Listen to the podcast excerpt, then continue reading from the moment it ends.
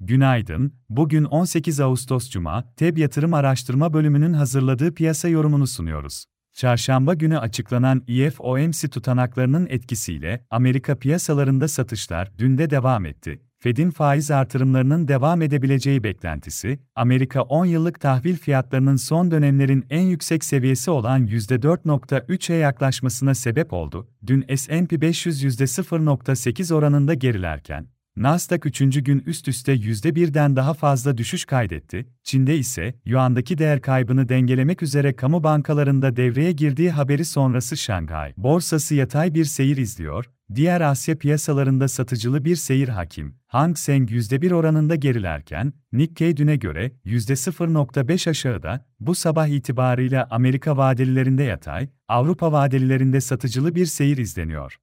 Petrolün varili 83.7 dolardan ve altının onsu 1891 dolardan işlem görüyor. Türkiye 5 yıllık kredi risk primi ölçüsü olan CDI S419 puandan kapandı.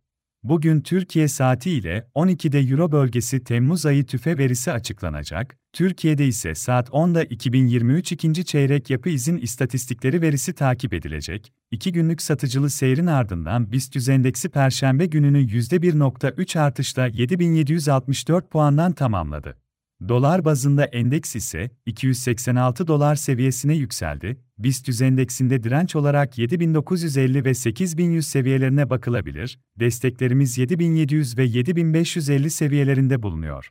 Hisse tarafında ise endekste yükselen hareket içinde teknik olarak kısa vadeli alım yönünde Albaraka, Aselsan, Deva Holding, Doğan Holding, Enerjisa, Enka İnşaat, İşdemir, Koç Holding, Kortsa, Oyak Çimento, Şişecam, Türksel hisselerine bakılabilir. Piyasaları değerlendirmeye devam edeceğiz. Feb yatırım olarak herkese iyi bir gün dileriz.